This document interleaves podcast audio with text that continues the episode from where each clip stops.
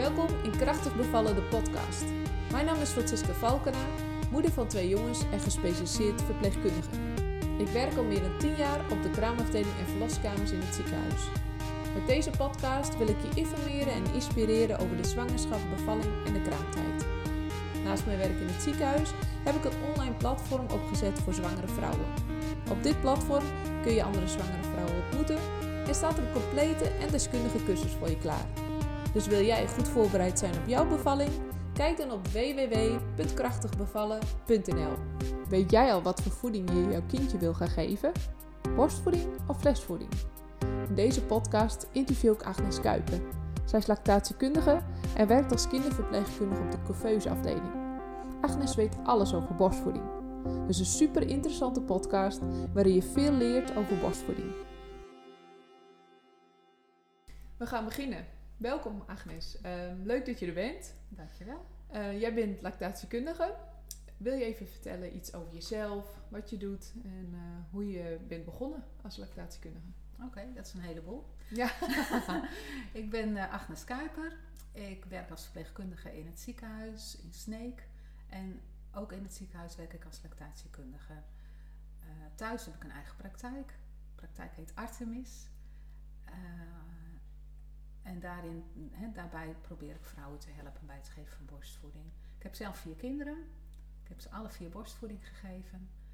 En ja. Is het een beetje uit passie uh, gegroeid, uh, vier kinderen, vier keer borstvoeding? Ja, dat denk ik wel. Uh, ik, bij mijn eerste, ik was verpleegkundige en bij mijn eerste was ik best wel onzeker over het geven van borstvoeding. Ik zag in de praktijk in het ziekenhuis het nou, in die tijd best wel vaak niet helemaal goed slagen. Dus ik was eigenlijk zelf als jonge moeder best wel onzeker. Mm-hmm. En uh, toen heb ik hulp gezocht bij, uh, en informatie gezocht bij de Vereniging Borstvoeding Natuurlijk. En uh, ik bezocht bijeenkomsten waar ik, waarin ik andere vrouwen tegenkwam. Er was een leidster in zo'n groep. Ja. En van die vrouwen heb ik echt het leren geven van borstvoeding heb ik echt geleerd. Oh, wat leuk. En toen was je nog geen lactatiekundige dus? Nee. Nee, okay. nee hoor. Ik kwam daar eerst gewoon als moeder. Ja. En ik vond het zo ontzettend leuk uh, dat ik op een gegeven moment bedacht, ja, weet je wat ik gegeven heb, of wat ik gekregen heb, wil ik ook graag geven en doorgeven aan andere vrouwen. Ja. Dus zo ben ik uh, leidster geworden bij de Vereniging Borstvoeding natuurlijk. En uiteindelijk uh, lactatiekundige geworden in het ziekenhuis. Nou, wat mooi. Dus eigenlijk van je ja, inspiratie over borstvoeding en je eigen ervaringen heb je het weten op te zetten en weten te delen. Ja, bijzonder. Mooi verhaal. Hey, en um, je vertelde, jij was in het begin wat onzeker. Zie je dat veel onder vrouwen, die onzekerheid over borstvoeding? Ja, zie ik best wel vaak. En wat, wat, wat zie je dan vooral? Waar zijn mensen dan vooral, of vrouwen dan vooral onzeker over? Nou, ik denk uh, iets wat bij iedereen bijna wel door het hoofd speelt, is: krijg ik wel genoeg melk? Oh ja. En de tweede vraag is: is mijn melk wel goed? Ja. En maak ik goede melk? Ja. En wat zeg je dan? Ja, ik zeg. Kijk, uh, de melk is eigenlijk altijd goed. Dus daar hoef je geen, uh, niet over te twijfelen. En de hoeveelheid melk in een normale situatie is die ook goed. Als je op een goede manier borstvoeding geeft. Mm -hmm. Dus als je niet heel erg volgens een schema gaat voeden in het begin. Uh, als je vaak genoeg aanlegt, als je baby goed genoeg drinkt, dan ga je voldoende melk maken. Ja, ja. Dus er zijn wel een bepaalde voorwaarden aan verbonden om te kunnen zeggen van je hebt goede melk en goede productie. En... Ja. ja, de start is goed. Dat is belangrijk. En kun je daar een beetje voorbeeld van geven? Want eh, nou, je gaf het al een beetje, je gaf een uh, aantal dingen aan. Maar als vrouwen willen starten met borstvoeding, wat zou je ze dan adviseren? Uh, bijvoorbeeld lees je in of, of, of, of hoe, hoe, kan die start als, je, als vrouwen die zo optimaal mogelijk willen hebben voor de start van hun borstvoeding, wat, wat zou je ze dan adviseren? Ja, ik denk dat ik van tevoren zou zeggen, ga wat lezen. Er zijn hele leuke boeken uh, te vinden. Er is ook van alles te vinden op uh, internet. Uh, Leesliek is een hele goede, goede website waar je mm -hmm. veel informatie kan vinden. Um, borstvoeding.com is een, is een website waar je ook heel erg veel goede informatie kan vinden. Je kan borstvoeding en cursussen volgen.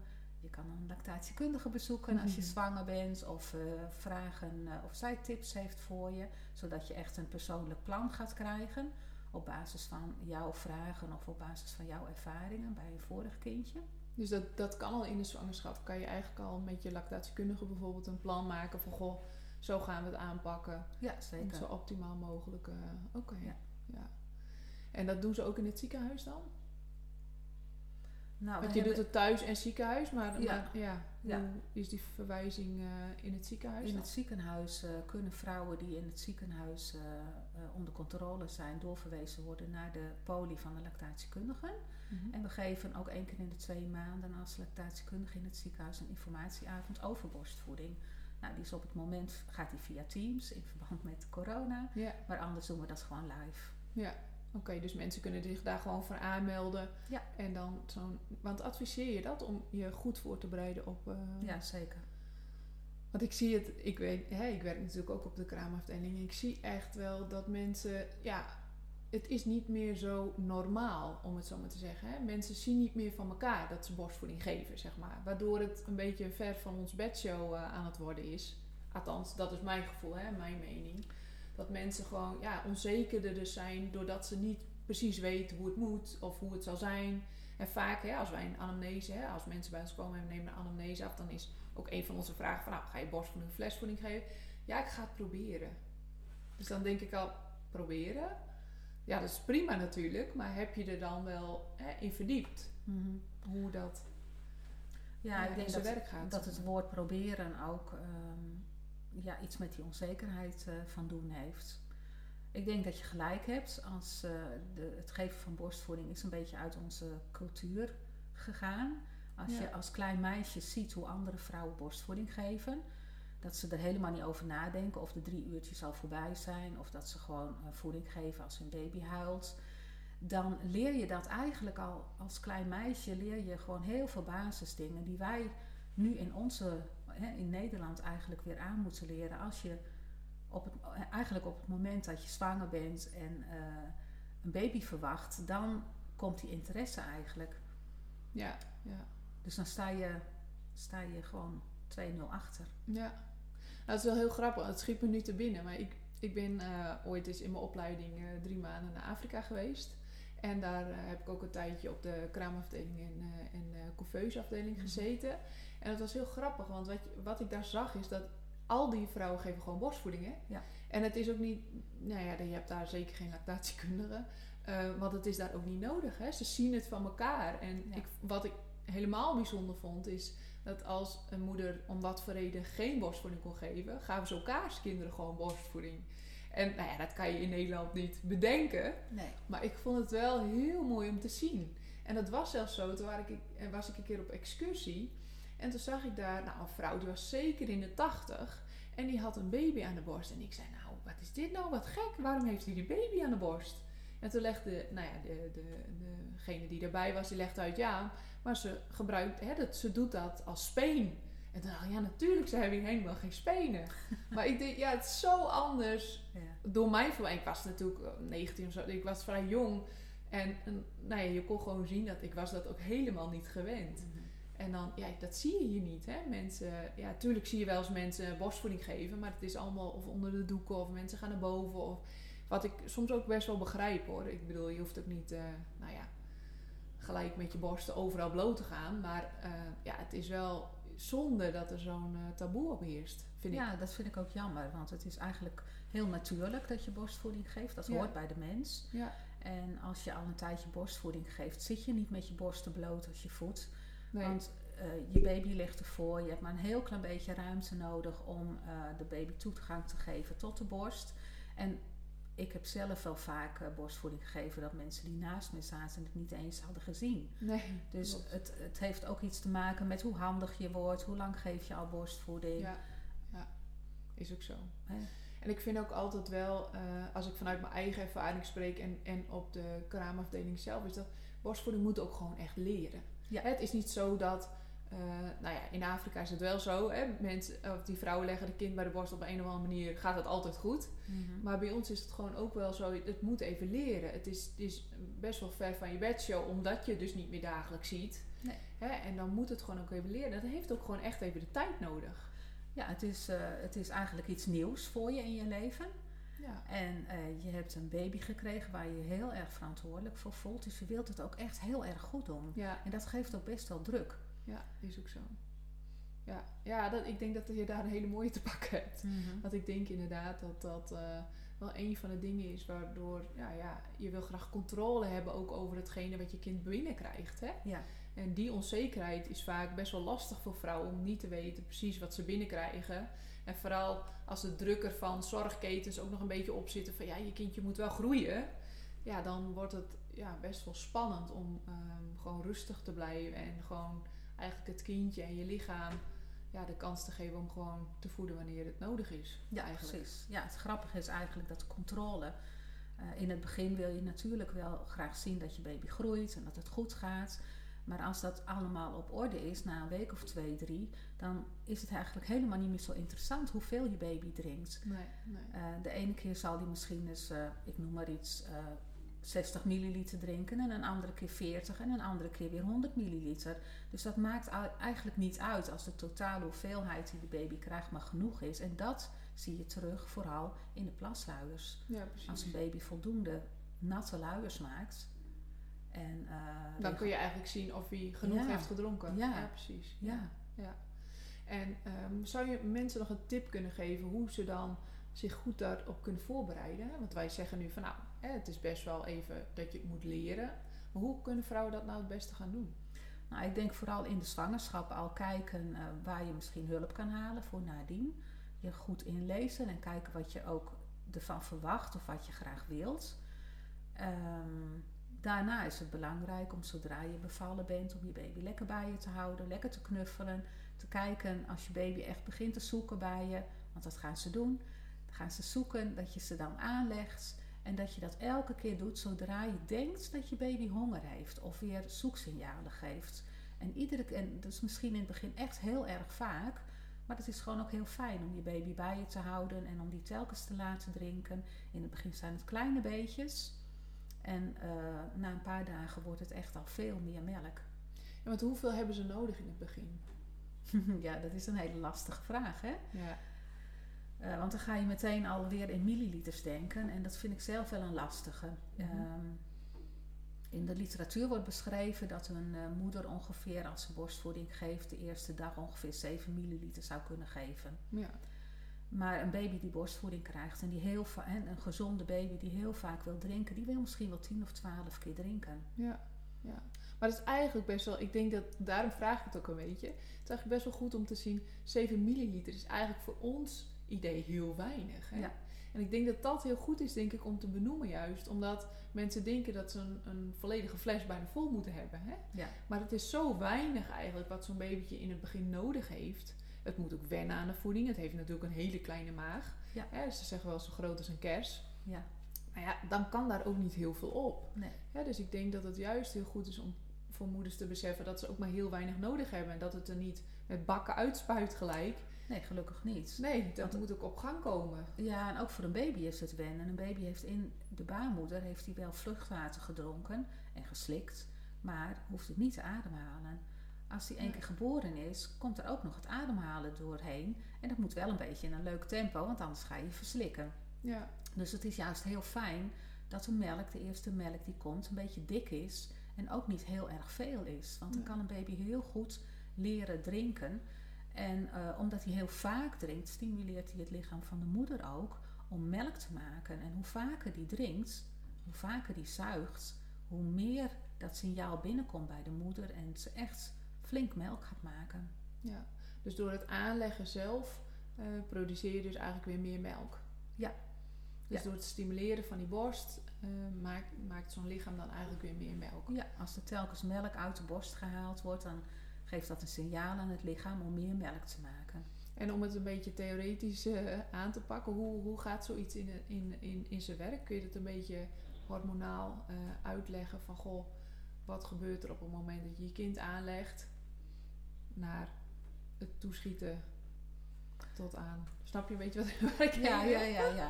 Nou ja, als je een baby gaat aanleggen dan, eh, en een baby gaat zuigen, dan gaat op een gegeven moment jouw lichaam voelt dat natuurlijk en dan gaan signaaltjes naar je hersenen.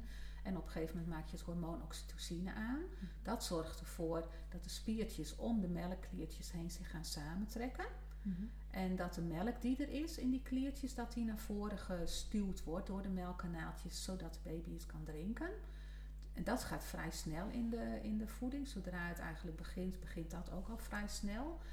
Uh, en daarbij wordt het uh, hormoon prolactine gemaakt. En dat hormoon prolactine, dat zorgt ervoor dat je veel melk gaat maken. Dat maakt aan de ene kant, zet het je lichaam aan om melk te maken. Aan de andere kant maakt het de melkproducerende celletjes gevoelig voor prolactine. Dus als er dan prolactine langstroomt, dan, is dat, hè, dan vangen die cellen dat op en maken ze veel melk aan. En dat is eigenlijk ook belangrijk voor een, lang, ja, voor een langere uh, periode van borstvoeding geven. Ja, absoluut. En als de pauze tussen de ene voeding en de volgende voeding heel, laag, heel lang is, mm -hmm. dan daalt ook geleidelijk aan het prolactinegehalte. Dus het is, dat, dat is dus ook heel belangrijk uh, als je kijkt naar de hormonen. Als je vaak voedt, blijft het prolactinegehalte in je bloed hoog. En dat is heel gunstig voor het voldoende en heel veel maken van melk. Ja, precies. Dus wij, wij voeden natuurlijk om de drie uur, uh, althans dan bieden we het aan. We voeden natuurlijk zoveel mogelijk op verzoek. Hè. Als een kindje wil, dan leg je aan. Maar eigenlijk pakken we ze wel om de drie uren, hè, om de, ook te stimuleren. Want sommige kindjes zijn in het begin wat moe, of hè, die hebben nog niet gelijk die signalen. Dus dan bieden we het wel steeds aan. Is dat ook echt om te zorgen dat zo'n kindje dan uh, die prolactine uh, hoog houdt bij de moeder? Of? Ja, dat is belangrijk. Maar natuurlijk ook voor de baby. Baby heeft ook, uh, in het begin moet hij natuurlijk ook wennen aan heel veel nieuwe dingen en kan ook best een beetje moe zijn. Dus uh, het voeden op vraag, dat is een hele goede. Maar in het begin, de eerste week, of eigenlijk totdat je baby weer het geboortegewicht heeft waarmee die geboren is, mm -hmm.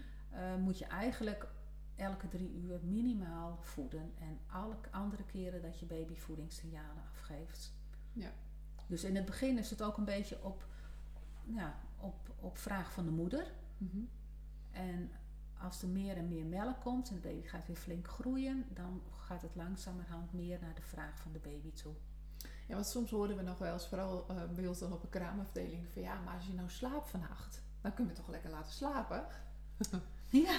Die vraag krijg heel vaak. Ja, ja. En ook voor moeders thuis natuurlijk. Hè. Dat maakt niet uit of je nou in het ziekenhuis bent of thuis. Mm -hmm. Maar vaak zeggen ze, ja, maar dan vind ik het toch wel prettig om ook even te slapen. Ja. Maar waarom is het nou zo belangrijk om s'nachts ook gewoon te voeden?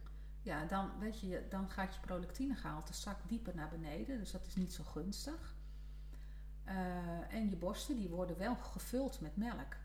En als die volheid daar blijft, of als je bijvoorbeeld op de derde, vierde dag al flink wat melk hebt en je gaat dan lang slapen, dan word je s'morgens wakker met overvolle borsten. En overvolle borsten, dat zijn ook signaaltjes voor jouw lichaam om het maar een beetje rustiger aan te doen met die melkproductie. Ja. Dus dat komt de melkproductie niet te goede. Nee, nee. En wanneer zou dat geen probleem kunnen zijn? Is dat al als een kindje op geboortegewicht is of is dat na een paar weken? Wat zou je dan in adviseren om ze s'nachts te laten doorslapen, als ze dat tenminste doen. Hè? Ja, ik zou, voor, ik zou vooral naar de baby kijken, wat, wat de behoefte ja, van de baby is. En er zijn, net zoals bij mensen, zijn de baby's die van grote maaltijden houden en uh, niet zo heel vaak drinken, bijvoorbeeld zeven keer op een dag. En er zijn ook baby's die van wat kleinere maaltijden houden en misschien wel heel graag nog een hele tijd tien keer willen drinken en die nachtvoeding echt heel graag wil hebben. En dan is dat eigenlijk normaal. En dat hangt niet alleen van de baby af, maar soms ook van de grootte van de borsten van de moeder. Wij noemen dat opslagcapaciteit. Oh ja, He, dus ja. als je wat kleinere borst hebt, dan kan natuurlijk minder melk in worden opgeslagen dan in borsten die uh, veel en veel groter zijn. Ja, dat heb ik gehad waarschijnlijk. ja. Althans, ik heb uh, mijn twee zoons wel uh, beide een jaar gevoed. Maar uh, ja, ik heb heel lang om de twee uren gevoed. Ja. ja, dat is gewoon puur omdat uh, ja, gewoon niet heel veel heb. Dat ja, kan. Het kan, het kan. Ja, het zou kunnen. Het kan ook uh, liggen aan de manier waarop je borstvoeding geeft. Maar dan wordt het alweer heel persoonlijk. En ja, daar heb je dan weer een lactatiekundige voor nodig om te kijken wat er aan de hand is. Ja, nou ja, ik heb prima gevoed hoor. En het was ook geen, geen probleem. Maar ja, zo zie je dat er heel veel verschil in is. ja. Ja, het is ook een leuk weetje. Uh, er is onderzocht uh, naar het slaappatroon van moeders. En moeders die borstvoeding geven, die blijken beter en langer te slapen dan moeders die flesvoeding geven. Oh ja? In de oh, nacht. Ja. Oh, wat grappig. Ja. Dat zou je niet verwachten. Nee. En hoe, hoe zit dat? Ik denk dat onder andere dat hormoon oxytocine daar een belangrijke rol in speelt.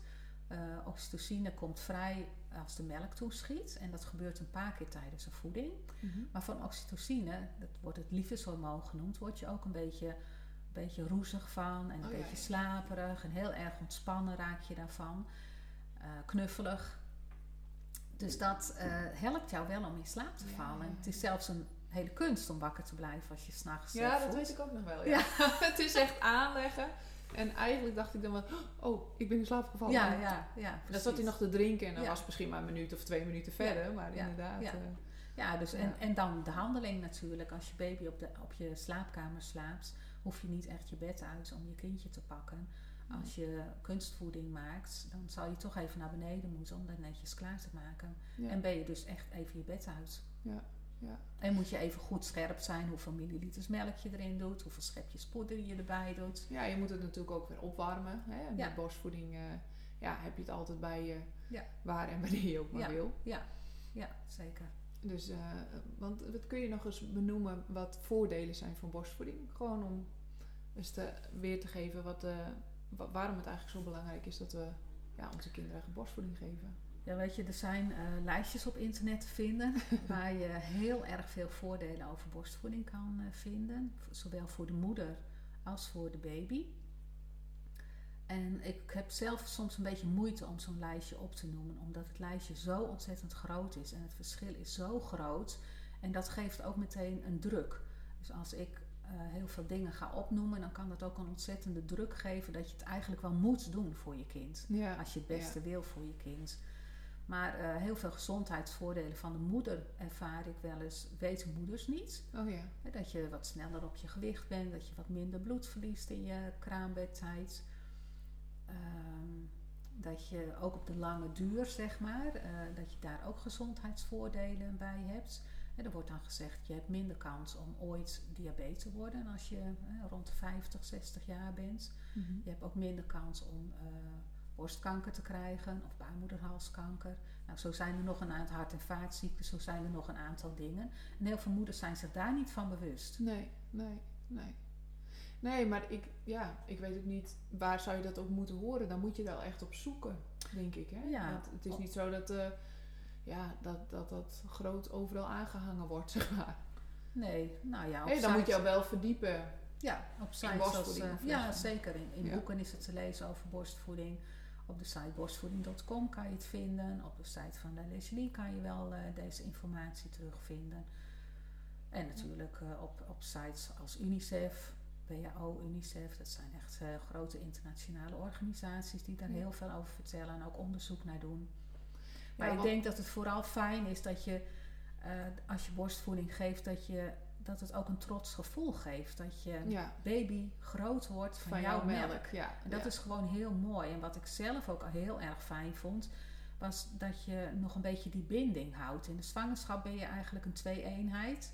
En dat ben je ook als je borstvoeding geeft. Ook al zou er geen klok op de wereld zijn, je voelt aan je eigen lichaam wanneer je weer naar huis moet, omdat je voelt dat je baby honger heeft. Ja, Dus je hebt zo'n mooi samenspel tussen moeder en kind. Ja, En het is gewoon ontzettend leuk om te doen en makkelijk. ja. Als het één keer goed loopt, is het. Ja, is het, Ja, ik, ik, sta, eh, ja, ik ben niet voor of tegen iets, zeker niet. Maar eh, ja, wat ik zelf ook echt wel heb ervaren is dat op een gegeven moment, hè, het is dan, nou, ik, ik noem dat altijd de eerste twee weken is het een beetje afzien. Want ja, laten we eerlijk wezen, het moet gewoon even wennen.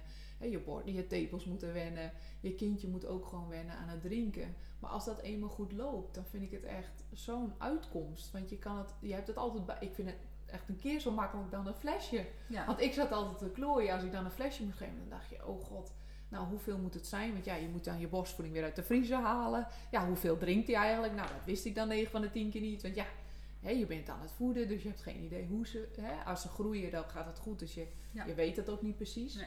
Dus ik, ja, ik vond het zoveel makkelijker ook. En wat jij aangeeft ook van, ja, die connectie, ja, dat voelt zo fijn. Hè? Dat je je kindje gewoon weer lekker bij je hebt en dat die drinkt ervan en daarop groeit. Ja, ik had ook dat sterke gevoel van trots. En eh, ja, dat, dat vond ik een heel mooi. eh, ja, vond ik echt heel mooi. En ik zeg ook wel eens tegen vrouwen van die eerste twee weken, ik moet echt even leren. Je moet er even handigheid in krijgen. En dan is het gewoon, eh, heb je de, ja, is het makkelijker naar mijn idee dan flesvoeding. En het wordt zelfs eigenlijk ook alleen maar makkelijker. Ja. Ehm, die eerste twee weken heb je ook denk ik wel veel meer van doen met onzekerheid. Als je goed aanlegt, hoef je geen last van je tepels te hebben. Nee. Maar dat is wel, hè, dat is Ja. wel belangrijk. Maar En daarom moet je ook inlezen, denk ik echt. daarom moet je ook inlezen Ja. en goed hulp vragen van een kraamverzorgende of van een kraamverpleegkundige of een lactatiekundige die eens eventjes meekijkt. Ja. En eh, een signaal, het doet pijn, dat is gewoon een rode vlag. Ja. In het begin zijn je tepels, en dat is ook expres door de natuur denk ik zo bedacht. eh, in, in de eerste dagen zijn je tepels gewoon heel erg gevoelig voor aanraken. Dus het eerste zuigen van je baby, dat kan bijna als een soort, ja je kan er echt van schrikken. Het is een heel, heel ehm, ja, heftig zuigen. heftig, Ja, heftig gevoel, wat Ja. dan na een half minuutje overgaat. Ja Herken klopt. je Ja, het? ja, ja, Ja. ja, ja. Dat eerste gevoel, dat aanhappen even. En dat je denkt, zo, de mythes, wat Ja, is dit voor kracht ja, eh, ja, aan je... ja, dat voel je echt. Het voelt borst. soms bijna als bijten. Maar na een half minuutje moet het overgaan. En als, het, als je dan alleen maar zuigen voelt, dan is het goed. Maar als je nog steeds dat scherpe gevoel voelt, of toch het gevoel van het voelt gewoon niet lekker. Nee. Het is, het is, eh, je voelt een bepaalde druk bijvoorbeeld op je tepels, of het is toch een beetje irritant, dan kan je het beste je kindje weer even losmaken, weer eventjes opnieuw beginnen met aanhappen. Want het hoort gewoon geen pijn te doen daarna. Nee. En dit is ook echt alleen de eerste dagen. Daarna, hè, na een dag of vijf, zes, is dat scherpe gevoel er een beetje af. En dan eh, voel je, als het goed is, alleen maar zuigen. Ja. En ja. de, de mond van je baby bewegen. En verder niet. Nee. En, en waar moeten vrouwen op letten om, om, eh, om het even een beetje praktisch te maken voor vrouwen? Waar moeten ze op letten als een kind goed aanhapt? Maar eigenlijk let je op het hele lijfje. En eh, het is fijn als je baby lekker dicht tegen je aan ligt. Dus ook met zijn buikje. Het, het, het evenwicht van een babylijfje zit ook in het lijfje zelf. Dus als dat goed ondersteund is, dan kan een baby ook goed zoeken met zijn gezichtje en met zijn mondje. Als het heel wiebelig is of als die heel ver van je af is, dan heeft hij ook geen genoeg eh, rust in zijn basis. Dus dan wordt het aanhappen en het zoeken naar die borstel heel, heel erg onrustig. Dus als je je baby lekker stevig tegen je aanhoudt, dat alleen het hoofdje kan bewegen, Mhm. dan gaat je baby vaak een beetje zoeken, een beetje schudden met zijn hoofdje, een beetje, nou misschien een op beetje en neer een nikken, een beetje. op en neer, ja, Ja. zo een beetje bouncen. En dan is het wel belangrijk om te kijken dat, de, dat, het, dat je tepel een beetje bij de bovenlip ligt, iets daarboven.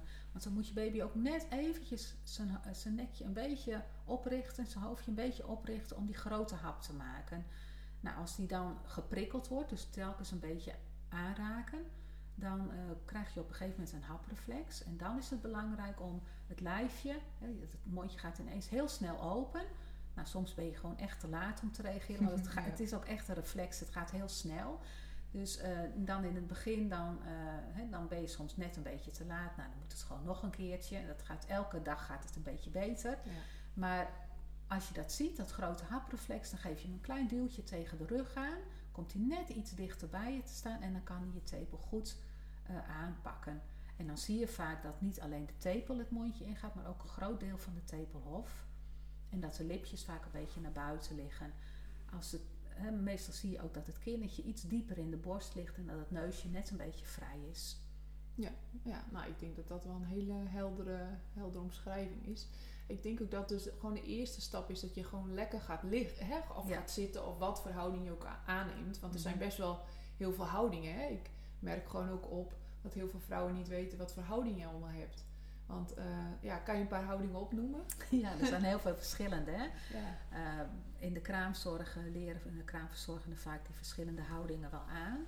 Ik, ehm, nou, ik zal een paar houdingen noemen. De Madonna-houding heb je. Ja. En dan, dat is eigenlijk de klassieke houding. Dan ligt je baby met zijn hoofdje in, je, in de elleboog, holte, Ja. aan de kant van de borst van die arm.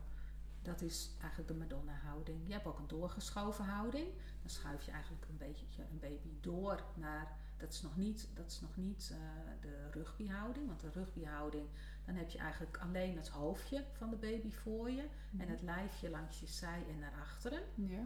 Kun je het aan die andere kant doen? Want dan kunnen ze het ook eh, op Oh. YouTube bekijken. Wie weet, hè, als iemand het ziet, dan kan je het altijd even terug, eh, terugkijken. Nou, eigenlijk had ik een pop moeten hebben of Ja. zo, hè?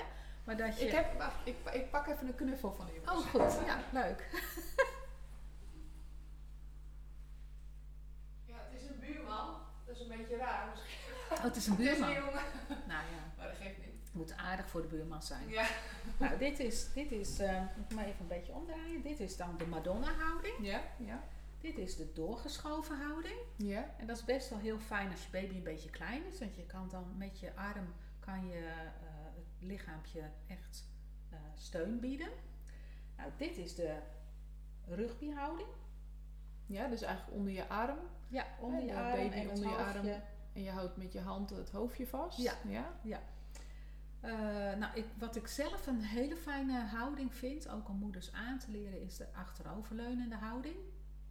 En dan ga je eigenlijk een beetje in een chill houding liggen. Ja. En dan kan je baby gewoon ook weer in die Madonna-houding voeden. Of gewoon in, de, in het verlengde van je eigen lichaam. Ja. En het enige wat je eigenlijk doet, is je het lijfje steunen.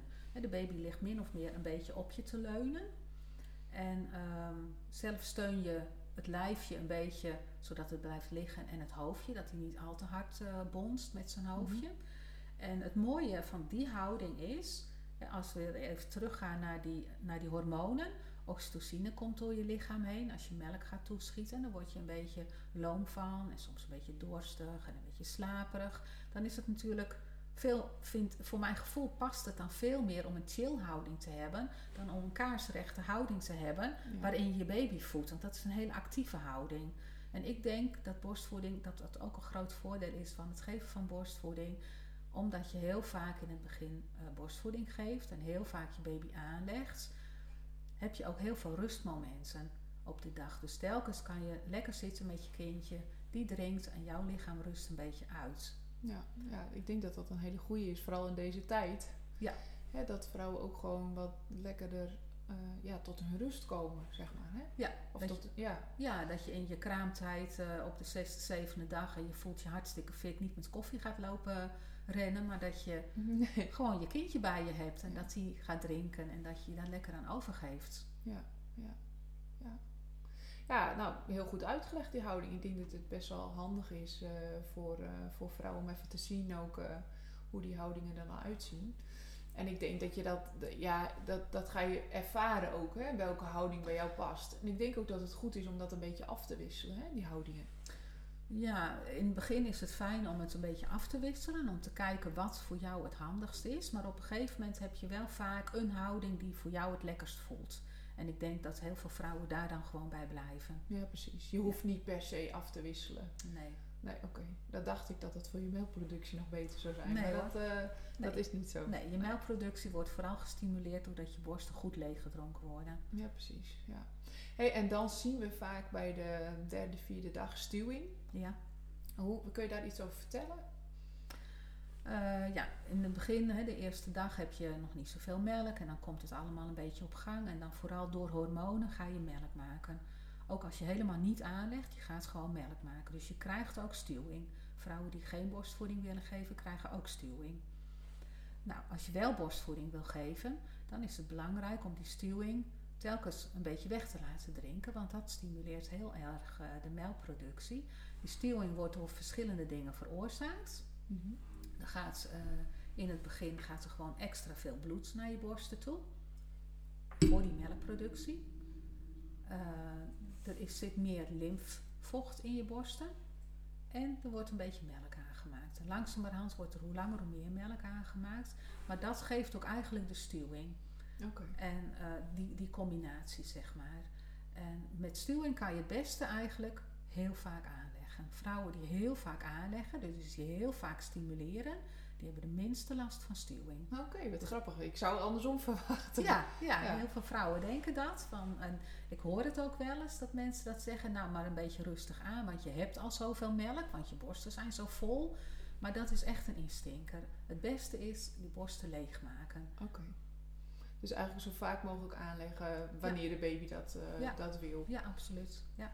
Oké, en wat doe je eigenlijk als, eh, want je zegt eh, iedereen krijgt stuwing. Ja. En wat doe je eigenlijk als op het moment dat je nou ja, besluit of te stoppen met borstvoeding of helemaal geen borstvoeding wil geven? Ja, als je helemaal geen borstvoeding wil geven, dan zou ik aanraden om een beetje een stevige BH aan te doen, zodat je borsten wel goed gesteund zijn. Misschien is het fijn om een, iets van kou erop te leggen, hè? een koud eh, compressje of zo. Gewoon omdat je borsten, behalve ze worden heel vol, worden ze ook warm. Dus dan is het ook wel fijn en, en soms ook pijnlijk. Dus dan is het fijn om het een beetje te koelen. En voor de rest er eigenlijk niet, niet veel mee Niet te doen. Nee, Want vanzelf, eh, als, in de natuur is het eigenlijk zo als eh, op de vierde dag zit ongeveer de grens. De vierde dag nadat je bevallen bent. Als er helemaal geen melk uit je borst gehaald wordt en je legt niet aan en je kolft niet, er gebeurt eigenlijk niks. Je hebt gewoon stuwing. Dan gaat op de vierde dag eigenlijk dat hele proces van melk maken gaat terug. Dus dat, daar, daar zit het omklappunt. En vaak op de zevende, achtste dag nadat je bevallen bent, is het helemaal gestopt. Oké. Dus in die eerste week eh, verandert er gewoon heel erg veel. Ja, ja. Ja, verandert veel voor je lijf, überhaupt omdat het natuurlijk Ja. ineens bevallen is. Maar ook dat het nou ja, moet gaan voeden of niet. Maar hè, dat is dan een keuze. Maar ehm dat verandert natuurlijk ook heel veel in je lijf. Ja. Ja, want het gaat ineens van zwanger zijn naar ja, zogende, vind ik altijd zo'n raar woord. Maar, Ja, ja, ja. maar wel voedende, ja, voedend lijf eigenlijk die het kindje moet verzorgen. Ja, zeker. En eh, daarbij, eh, je borsten gaan heel anders aanvoelen dan je ooit eh, gevoeld hebt. Ze worden soms veel groter en veel warmer en eh, gevoeliger soms in het begin. Eh, ja, de hardheid en je voelt soms ook die melkklieren heel erg zitten. Je voelt allemaal kleine bultjes in je borsten. Dus de functie van je borst verandert zo ontzettend. Of die krijgt eigenlijk dan echt de functie waarvoor ja, die ja, waarvoor die dient is. Ja. en dat moet ook wennen natuurlijk. Dat heb je daarvoor ook nog niet Nee. ervaren als het je eerste kindje Nee, is. Nee, is ook zo. Hey, en als je zegt, want heel veel vrouwen dus zeggen, eh, nou ja, tegen mij ook wel, of tegen collega's, van ja, ik wil het even proberen. Mhm. Maar wat, wat zou je adviseren, proberen, hmm, wat moet je dan in ieder geval hebben gedaan? Of ja, moet, er moet niks, maar wat zou je adviseren vanuit jouw oogpunt van, goh, probeer het dan in ieder geval bijvoorbeeld een week? Of hè, wanneer kan je zeggen van, nou, dan lukt het, hè, dan, dan wordt het wat makkelijker of dan wo- wordt het wat... Althans, ik krijg heel vaak die vraag en dat vind ik best wel lastig. Want ik zeg meestal, probeer het twee weken en dan kun je echt bepalen, is het wat voor je of niet?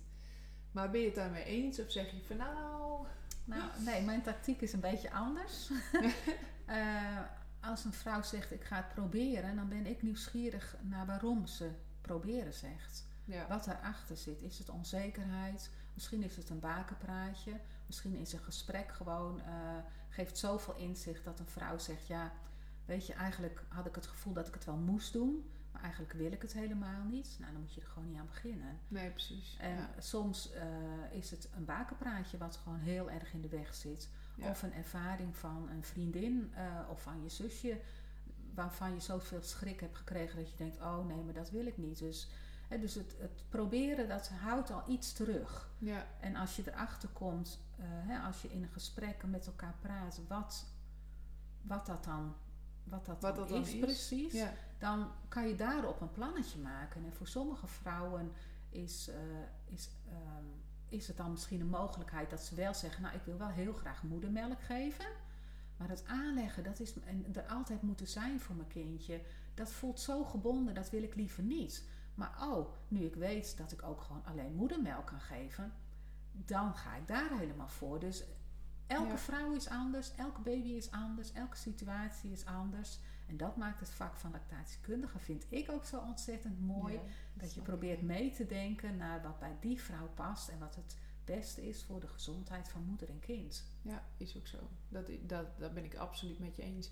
En vaak, nou ja, meestal vraag ik, hè, eh, hoor ik dan ook wel even, goh, wat zit daarachter? Maar ik hoor toch best wel vaak dat mensen dan zeggen, ja, nou, ik weet niet, ik moet gewoon kijken of het wat voor me is. Hè, dat, en dan denk ik altijd, ja, wat geef je dan voor advies? Hè? Eh, ehm, tuurlijk ga je het altijd proberen. Hè? Eh, ik zeg altijd, probeer het gewoon en we gaan kijken hoe, dat, eh, hoe, hè, voor, hoe het voor je uitpakt en wat je kindje Mhm. doet en dat soort dingen. Maar ik zou ze soms wel zo graag willen zeggen, nou als je het in ieder geval tot dan geprobeerd hebt, dan heb je een goed, beeld en idee van hoe het zal zijn. Ja. Maar ja, misschien is dat in mijn hoofd of in mijn beleving een goed ding. Maar ja, ik weet niet. Heb je daar advies of tip of... Nee, ik vind, ik vind dat echt bij elke, an- bij elke vrouw anders. Oké. En, Het is eh, heel individueel. dat, ja, Ja. zo werk ik graag. En ehm, wat uit onderzoek komt en wat je ook hoort eh, hè, als je artikelen leest over UNICEF, wat er ook gebeurt in het kraambed of, of na, hè, daarna. Het belangrijkste is dat er goede begeleiding is. Ja en als je goede begeleiding hebt en eh, er is eh, oog voor wat er gebeurt, dan kan je wat er ook gebeurt veel beter handelen dan wanneer je het gevoel hebt dat je er alleen voor staat. Of dat Ja. je niet de goede hulp krijgt. Of dat je onzekerheid alleen maar groeit. En als die onzekerheid in de loop van die week gedeeld kan worden, ja, dan, dan is het gewoon heel erg mooi om te zien eh, Ja, dat vrouwen van onzeker en nou, soms heel verdrietig, hele, hele zelfvertrouwde vrouwen worden die genieten van het geven van borstvoeding. Ja. En dat is voor elke vrouw een beetje eh, wisselend hoe ze dat bereiken en of ze dat kunnen bereiken. En ook denk ik, het is altijd goed. ja, is ook zo. Is ook zo.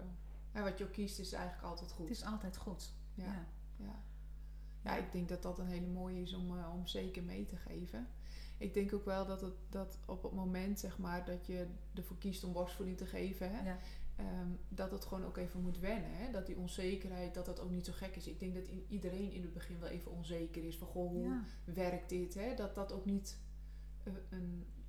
Dat, dat is er sowieso, denk ik, bij iedereen wel een beetje. Dat is er sowieso. En niet alleen ten aanzien van borstvoeding, maar ook ten aanzien van eh, het gedrag van je baby. Je moet elkaar leren kennen. Ja, is ook zo. Hè? Ja. En het een, elk babytje heeft zijn eigen temperament. En, als, en, je, en wat ik ook heel mooi vind altijd om te zien, je moet ook als vader en als moeder ontdekken wat voor soort moeder of vader je bent. Ja. En wat je wil zijn, hoe, waar je je goed bij voelt. En dat heeft tijd nodig. Dus neem ook die tijd. En is niet te streng voor jezelf, maar ga op je gevoel af. Dat, dat denk ik dat dat heel belangrijk is. En neem de tijd om een beetje in te groeien. Ja.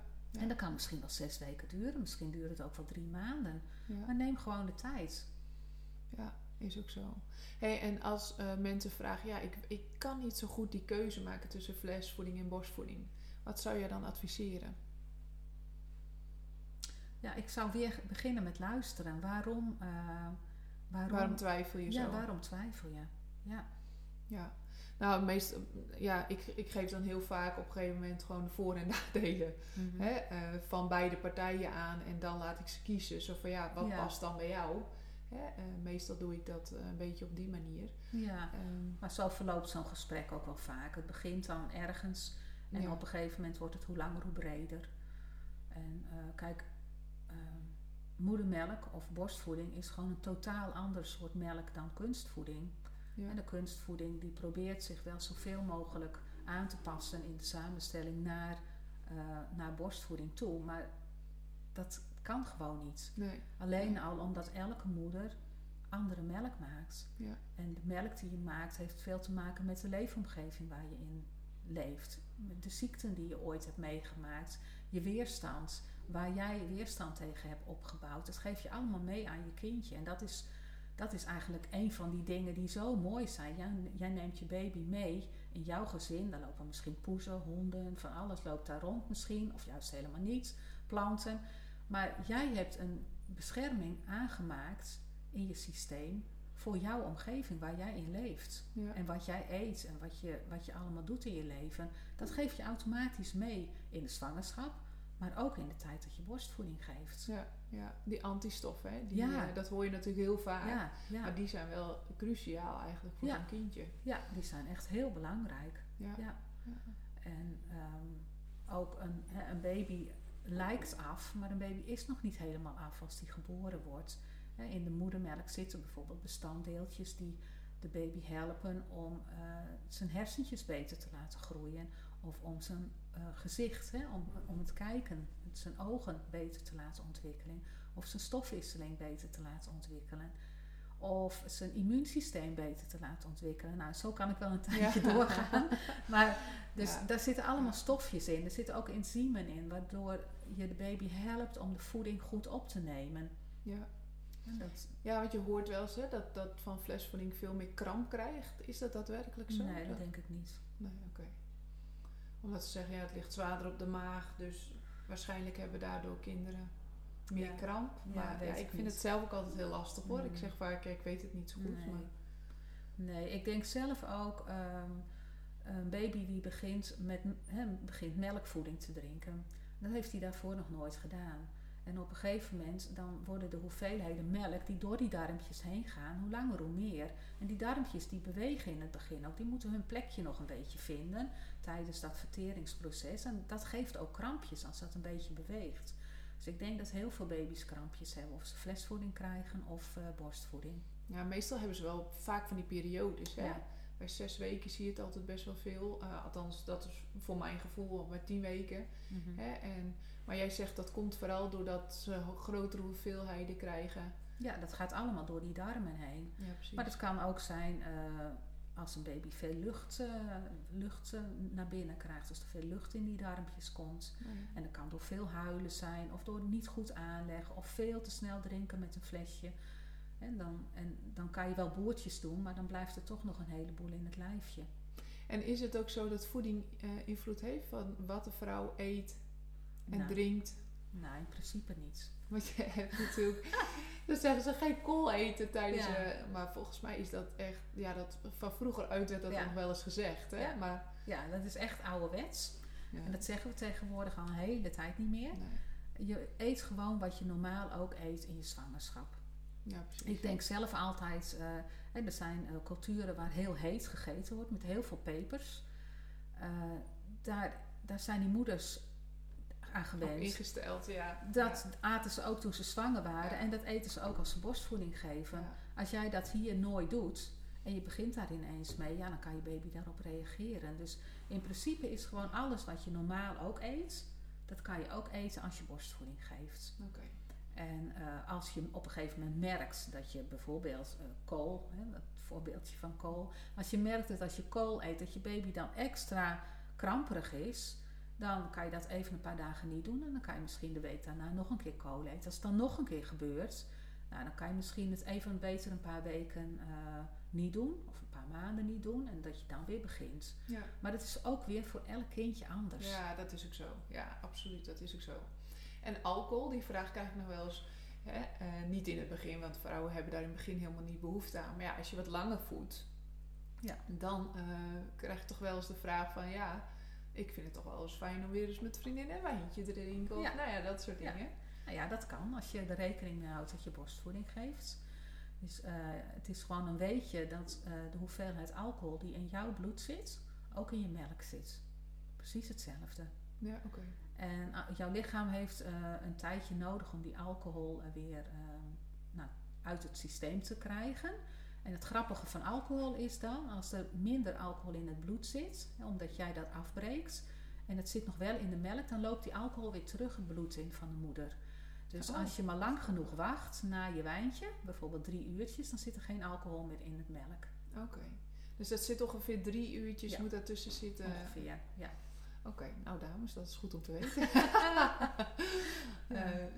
Ja, nou ja, dat is wel... Hè, sommige vrouwen hoor ik dan, ja, ik mag helemaal geen alcohol. En dan zeg ik ook wel vaak, nee, maar dat, dat hoeft helemaal niet. Even zeker als je wat verder bent. En je geeft natuurlijk wat langer voeding. Dan ja, heb je toch weer eens een moment dat je misschien... Ja, als je het fijn vindt, eh, weer eens een eh, wijntje of een, een, een drankje eh, Ja. drinkt. Ja, nee, geen Dus probleem. En ook de dingen die je in de zwangerschap niet mag eten, Mhm. op dit moment, hè, wat, Ja. wat geadviseerd wordt, dat kan je gewoon tijdens je borstvoedingperiode wel eten. Ja, precies. Dat hoeft niet zo te zijn dat je geen rauwe vis, vlees, dat soort dingen... Nee, nee. mag je gewoon weer eten. Ja hoor, ja. Oké. Ja. Hey, en wanneer, ehm, ik, ik wil even een, even een stapje terug nog en dan gaan we een stapje verder. Eh, dat is het eerste, de eerste melk. Mhm. Hè, je hoort veel over de eerste melk, is heel goed voor je kindje. Mhm. Kun je daar iets over vertellen, over die eerste melk? Nou, we hadden het in het begin al gezegd, hè? die eerste melk die is een beetje dikker. Ja, klopt. Ja. En eh, is ook niet zo heel erg eh, veel vaak. Eh, ziet er soms heel donkergeel uit, maar kan ook bijna geen kleur hebben. Wat opvalt is inderdaad de dikte. Ja. En het ziet er heel romig uit daardoor. Maar het is absoluut juist helemaal niet vet. Nee, want dat noem je dan colostrum. Het is colostrum, ja. En hoe lang heb je dat colostrum? Nou, dat heb je eigenlijk eh, zeg maar de eerste week. Oh ja. Eh, je moet het eigenlijk zien dat het er langzaam uitwast. In Oh het ja. begin heb je alleen maar colostrum. En als er op de derde, vierde dag al wat meer melk komt, dan komt er ook meer andere melk komt er doorheen. Dan wordt het volume groter. En na een dag of acht tot tien dagen, dan is eigenlijk de colostrumperiode voorbij. En dan heb je gewoon normale moedermelk. Want meestal zeggen we ook, hè, eh, als bijvoorbeeld een vrouw bij ons ligt en het kindje bij jullie op een kinder, dan moet Ja. er soms gekolfd worden. Ja, En dan zijn we heel wijs met een paar van die druppeltjes. Ja. En op een gegeven moment, omdat wij zo enthousiast worden, dat die vrouw ook helemaal enthousiast. ja. Dat ze zegt, oh ik heb een drup of twee of drie. En dan is soms maar een milliliter. Maar ja, eh, ja, daar zijn we er eigenlijk al heel blij mee dat zo'n kindje dat kan krijgen. Mhm. Gewoon ook puur voor die antistoffen natuurlijk. Hè, die dat Zit- dan... eh, ja, er zitten ontzettend veel antistoffen in. ja. In het begin krijgt je baby eigenlijk net zoveel antistoffen als wanneer die vier weken oud is en veel meer melk drinkt. Dus eh, er was een kinderarts eh, in Utrecht die noemde dit de eerste vaccinatie. ja. Zo belangrijk zijn die antistoffen voor een baby. Ja. En ook ehm, een beschermlaagje in de darmpjes, in het eh, darmsysteem van de baby's. Het is makkelijk op te nemen. Er zit eigenlijk best wel veel mineralen in. En dat heeft een baby ook nodig, want hij heeft wel een beetje een voorraadje normaal gesproken eh, als hij net eh, geboren is. Maar die mineralen, die heeft hij wel nodig. De suikers bijvoorbeeld, de Ja. zouten. Dat zit er wel veel in. Nou, het is heel vetarm dus. Dus het is heel licht verteerbaar. Ja. En geleidelijk aan, als er meer en meer eh, andere melk bij komt en minder en minder colostrum, wordt de melk ook heel geleidelijk aan in de loop van die eerste dagen vetter. Dus dat is gewoon ook heel fijn voor een baby om daar langzaam aan te wennen. Aan te wennen, ja. ja. Dus het is heel erg licht verteerbaar. Ja, want ik hoor vrouwen dan nog wel zeggen, ja, maar het krijgt zo weinig. Hè? Wat, wat doet dat nou voor zo'n kinderlijfje? Nou, dan is hier toch het antwoord, vind je niet? Dit is het antwoord. Ja, ja. dat is een hele mooie. Want Ja, die vraag krijg ik best wel vaak van, goh ja, dan is het zo weinig. Hè? Wat heeft zo'n kindje daar nou aan? ja, ja. Nou, dat mega veel. ja. Hè? En, eh, en vooral ook nog eh, op het moment dat zo'n kindje vroeg, te vroeg geboren wordt, want dat gebeurt natuurlijk ook nog wel eens. Mhm. Dan, eh, ja, dan heb je over het algemeen nog wat minder melk. En soms drinkt het kindje dan ook nog heel weinig. ja. Hè? En, maar dan die paar druppen eigenlijk die uit die moedermelk eh, of uit die borsten komt, dat colostrum, ja, dat is van zo'n kindje natuurlijk, eh, ja, we noemen het ook wel vloeibaar goud. Ja, vloeibaar goud. Ja. Hè? Omdat het gewoon zo'n Ja. ja, boost eigenlijk geeft voor zo'n lijfje. Ja. Ja, het is zelfs zo, dat, is, dat vind ik ook echt heel erg kunstig van het moederlijf. Als je prematuur bevalt, hè, zeg dat je met 35 weken bevalt, dan maakt je lichaam eerst colostrum en dan wordt het gewone moedermelk. Maar die moedermelk die is anders. Dus de eerste vier weken Ja. maakt de moeder eigenlijk premature melk. Ja, En na die vier weken maakt ze de gewone melk die ze ook zou maken voor een op tijd geboren baby. Ja. Dus dat is zo bijzonder. Ja, ja. ja, ik vind het sowieso heel bijzonder dat zo'n kindje dan ja, groeit op jouw melk. Maar dat het ook precies afgestemd wordt op zo'n kindje. Hè? Of het, als het dorst heeft, hè? als het warm weer is, dan, dan eh, nou ja, is het wat, wat, wat water. Ik noem het maar even. Ja. Hè? Maar dan heb je veel meer voeding en dan eh, ja, is het gewoon wat wateriger. En op het moment dat het koud is en, en het heeft veel meer honger, heb ik wel het idee dat het veel, veel zwaarder op de maag gaat liggen en dat ze Mhm. veel langer. Dus ik, ja, ik vind dat, dat vraag-aanbod-systeem zo bijzonder. Ja, dat is ook van zo'n lijf.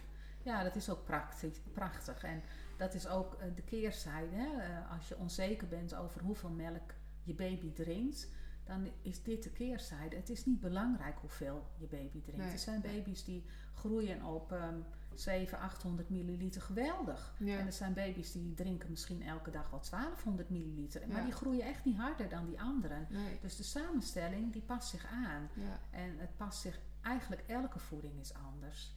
Eh, wat, wat ook heel leuk te zien is als je bijvoorbeeld regeldagen hebt, want daar hebben we het nog Oh, niet nee. over gehad. Nee, hè? dat is nog leuk, ja. Als je regeldagen hebt, dan zit ergens die aanpassing is niet in orde. En dat kan zijn omdat je het zelf heel druk hebt gehad, of omdat je baby ineens een groeispurt heeft. Eh, en er wordt dan wel vaak gezegd, het is rond twee weken, zes weken en drie maanden gebeurt het. Maar eigenlijk gebeurt het op elk moment dat je baby ineens veel vaker wil drinken dan je gewend bent. Ja. Maar ook omgekeerd, hè? als je baby ineens minder gaat drinken dan je gewend bent. Kan ook zijn, hè? want Ja. als het heel warm geweest is, wat jij zegt, dan heeft een baby ook meer dorst, wil vaker drinken. En je merkt vaak ook, als het dan ineens weer koeler wordt in de zomer, dat je dan even één dag wat voller Je voelt het gewoon aan je lijf dat er weer wat minder nodig is. En dan wordt het ook alweer heel snel minder. Ja. Maar die regeldagen, eh, dat is even. ehm, dat is eigenlijk best wel, eh, als je dat voor de eerste keer meemaakt, dan is dat best wel een beetje, nou, een beetje griezelig misschien. Dat je denkt, wat gebeurt er nu eigenlijk? Want je bent een bepaald ritme gewend en ineens wil je baby, lijkt het wel, bijna elk uur drinken. En dat gaat dan zo'n hele dag door. En je borsten voelen hartstikke leeg. In de loop van de dag denk je, nou, er zit echt niks meer in. Nee. Nou, dat maakt gewoon een heel onrustig gevoel, geeft dat. Nou, het mooie van het verhaal is dat als je aanlegt, op het moment dat je aanlegt, je melkproductie het allerhoogst is. Ja. Dus zodra je aanlegt en je borsten worden leeggedronken, dan is de productie aan de achterkant heel hoog. Geleidelijk aan als je borsten voller worden, gaat de productie langzaam langzamer worden. Dus in een regeldag, wanneer een baby telkens wil drinken en je het gevoel hebt dat je bijna leeg bent, is die productie dus heel hoog. En het vetgehalte in de melk is hoger, de calorische waarde is hoger. Dus hoe leger je borsten, hoe hoger de calorische waarde. Dus hoe verzadigder de melk ook is, hoe geconcentreerder de melk Oh ja. is. En omdat je borsten dan een paar uur achter elkaar telkens en telkens leeggedronken worden, geeft dat zo'n boost aan jouw systeem. Het is duidelijk, er moet meer melk gemaakt worden. Ja. En vaak heb je dan de volgende dag, is die regeldag voorbij. En dan maak je weer meer melk. Of dan is de, past de melk weer precies aan aan de behoeften van je kindje. ja, bijzonder is dat, hè? Dat dat lijf dat dat zo regelt. Ja, dat is gewoon prachtig. En als je dat één of twee keer meemaakt, dan, ehm, ja, dan, dan is dat gewoon ook mooi om te zien. Ja, ja.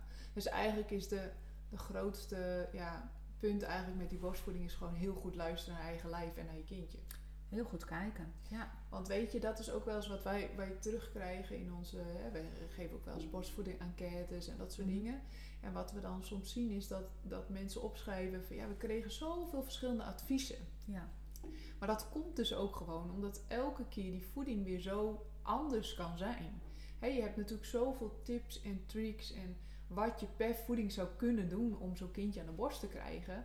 Dat het natuurlijk heel lastig is om daar één lijn in te trekken. ja, dat is ook. En alle moeders zijn anders. Er is geen moeder gelijk. Nee, het kind is weer anders. Ja. Er is geen kind gelijk. En de situaties die verschillen ook van elkaar. En eh, ook de, de eerste dag is echt anders dan de vierde dag of Ja. als de achtste dag. Dus die adviezen die groeien ook een beetje mee met de situatie die zich ontwikkelt. Ja. Ja. Maar ik merk wel altijd dat, die, hè, dat vrouwen daar vaak wat onrustiger van worden. Ja, klopt. Hè, ik probeer dan ook vaak te zeggen, joh, hè, soms heb je met meerdere collega's te maken. In het ziekenhuis dan tenminste, hè, als je thuis bent, heb je tenminste eh, ja, één kraamverzorgster, zeg maar, die zich daar dan mee bemoeit, om het zo maar te zeggen. Ja, Maar goed, ik zeg wel altijd van, ja, weet je, wat de ene keer goed ging, wil niet zeggen dat het de volgende keer net zo, op die manier, exact dezelfde houding ook goed gaat. Hè? Ja. Het is juist door te kijken wat je kindje wil en te zien hè, waar de behoefte ligt, eh, om daar zoveel mogelijk op aan te passen. Ja. En wij als zorgverleners passen ons daar natuurlijk ook makkelijker op aan, omdat je gewoon wat meer ja, bagage hebt qua Mhm. tips en tricks, Mhm. dan dat je dat zelf als moeder hebt. Ja. Dus ik wil ook echt wel meegeven aan de vrouw, goh, word daar niet onzeker van, maar pak die dingen eruit die op dat moment denkt, nou, dit werkte, nou prima, sla dat op als het een soort van, eh, schrijf Ja. het op, desnoods, als je het even niet meer weet. Ja. En kijk gewoon wanneer dat weer toepasbaar is, zeg maar. Hè? En dat je zo groot mogelijke tip, tips en tricks eh, eh, tot je neemt en kijkt wanneer je dat kan toepassen. In plaats van dat je denkt, oh god, ze doen elke keer weer wat anders, wat moet ik nu weer doen? Ja, precies. Hè, zodat je, ja, dat je eigenlijk, ja, wat bij je past, dat je dat eruit pikt. En wat Ja. niet bij je past, nou leg dat naast je neer. En dat, dat geldt dan niet voor jou. Geprobeerd, skip, verder, nieuwe. Hè? Ja, En dat, dat, ja, dat, dat wil ik toch wel mensen ook meegeven. Omdat we dat toch ook wel veel zien. ja ook eh, de vraag, hè, heeft mijn baby, waarom huilt hij nu? Heeft hij nu honger of wil hij wat anders? Ja, Dan denk ik ook, leg gewoon maar aan. Kijk maar wat er gebeurt. Als je baby geen honger heeft, dan zal die over het algemeen niet heel veel gaan drinken. Nee. En dan is het misschien de nabijheid. Of het gewoon even lekker bij je zijn. Je stem horen, je ademhaling horen, misschien je hartslag horen. Dat is dan voor een baby eventjes het geruststellende wat hij ook gewend is. En wat hij gewoon weer even heel fijn vindt. Soms is het gewoon alleen huidhonger. Maar alleen door te proberen kom je erachter wat je kindje nodig heeft. Zo leer je elkaar Ja. kennen. Ja, is ook zo. Want wat, wat is huidhonger? Even voor de luisteraars. Ja, huidhonger. Ja, dat noemen wij vaak. eh, een baby die heeft niet alleen behoefte aan melk, Nee. aan eten, Mhm. maar ook behoefte aan knuffels en aan aangeraakt worden. ja. In de baarmoeder heeft hij continu contact met de moeder. En als je één keer geboren bent en je ligt ineens stil in je wieg, Ja, dan mist hij gewoon mensen. ja, En, het, hè, en, en je, wat ik zelf ook heel erg mooi vind op de couveuse afdeling, want daar zien we baby's natuurlijk een paar weken. Maar het is zo mooi als ik mijn hand op een baby leg, dan kan hij wel rustig van worden. Of als ik praat tegen een kindje, zie je ook wel een baby reageren. Maar een baby reageert helemaal als hij het bekende geluid hoort van zijn moeder of zijn vader. ja. Of de hand die, die ze al kennen. Hè? ja. Dat is echt Bijzonder is dat, hè? Ja, heel bijzonder. Ja, vind ik ook altijd heel bijzonder om te horen. Soms zijn die kindjes nog maar net geboren. En dan zie je ze reageren op de vader. Hè? En dan heeft de vader bijvoorbeeld een hele lage stem. Ja. Echt, eh, ja, dan denk ik, oh wat bijzonder. Je Gaan- ziet gewoon Ja. ja. dat kindje helemaal aangaan op die ouders. ja, ja, oogjes gaan open en ze Ja. liggen echt te luisteren. Dat is Ja. heel mooi. Ja. Ja. Ja, Ik zeg ook wel eens op een moment dat je even niet meer weet wat je kind wil, doordat het onrustig is of krampen of nou ja, wat het dan ook maar is. Kleed het uit, bloot op bloot en eigenlijk komt het altijd goed. Ja, nou dat is heel belangrijk. Dan- Bloot op bloot, dat is, wij, we noemen het dan ook eh, huid op huid op contact. Hè? bloot op bloot klinkt een beetje gek, maar Ja, nee, maar goed. Ehm, ook als je problemen hebt bij het geven van borstvoeding of als je je onzeker voelt, nou jij noemt ook een paar eh, dingen, hè? dan is huid op huid contact zo ontzettend fijn. En het lijkt alsof je niks doet, hè? zo aan de buitenkant. ja. Maar er gebeurt ontzettend veel. Eh, je krijgt ook, hè, je hebt weer intens contact met elkaar. Eh, de baby krijgt vertrouwen in het lichaam van zijn moeder of de vader waar die ligt.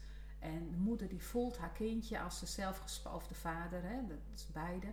Maar als je gespannen bent of je zorgen overmaakt, als je dan voelt dat het kleine lijfje zo helemaal vertrouwd en warm tegen je aan ligt, dan ga je ook zelf ontspannen. En dan ga je ook weer nou, nieuwsgierig worden, even snuffelen, even het handje vastpakken. En dat zijn allemaal dingen waardoor je die band heel erg opbouwt. ja, dat hechten zo Ja. mooi naar voren komt eigenlijk. hè. ja, ja, is prachtig. Ja, jongens, dit is ook echt een tip, want doe dit gewoon Ja. regelmatig in de kraamweken, maar ook daarna, ook bij vaders. Want dat zijn van die momentjes, ja, die zijn heel kostbaar.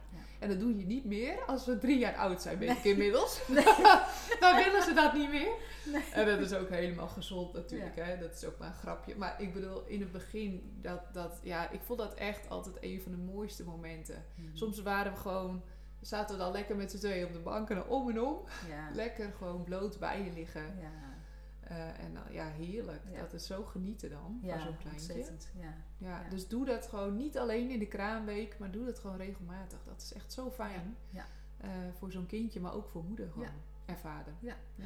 En ook terug weer even naar de borstvoeding natuurlijk. Eh, ook als het aanleggen gewoon niet lekker gaat, Mhm. je ervaart er problemen mee, dan is ook het allereerste weer waar je naar teruggrijpt het huid-op-huid contact.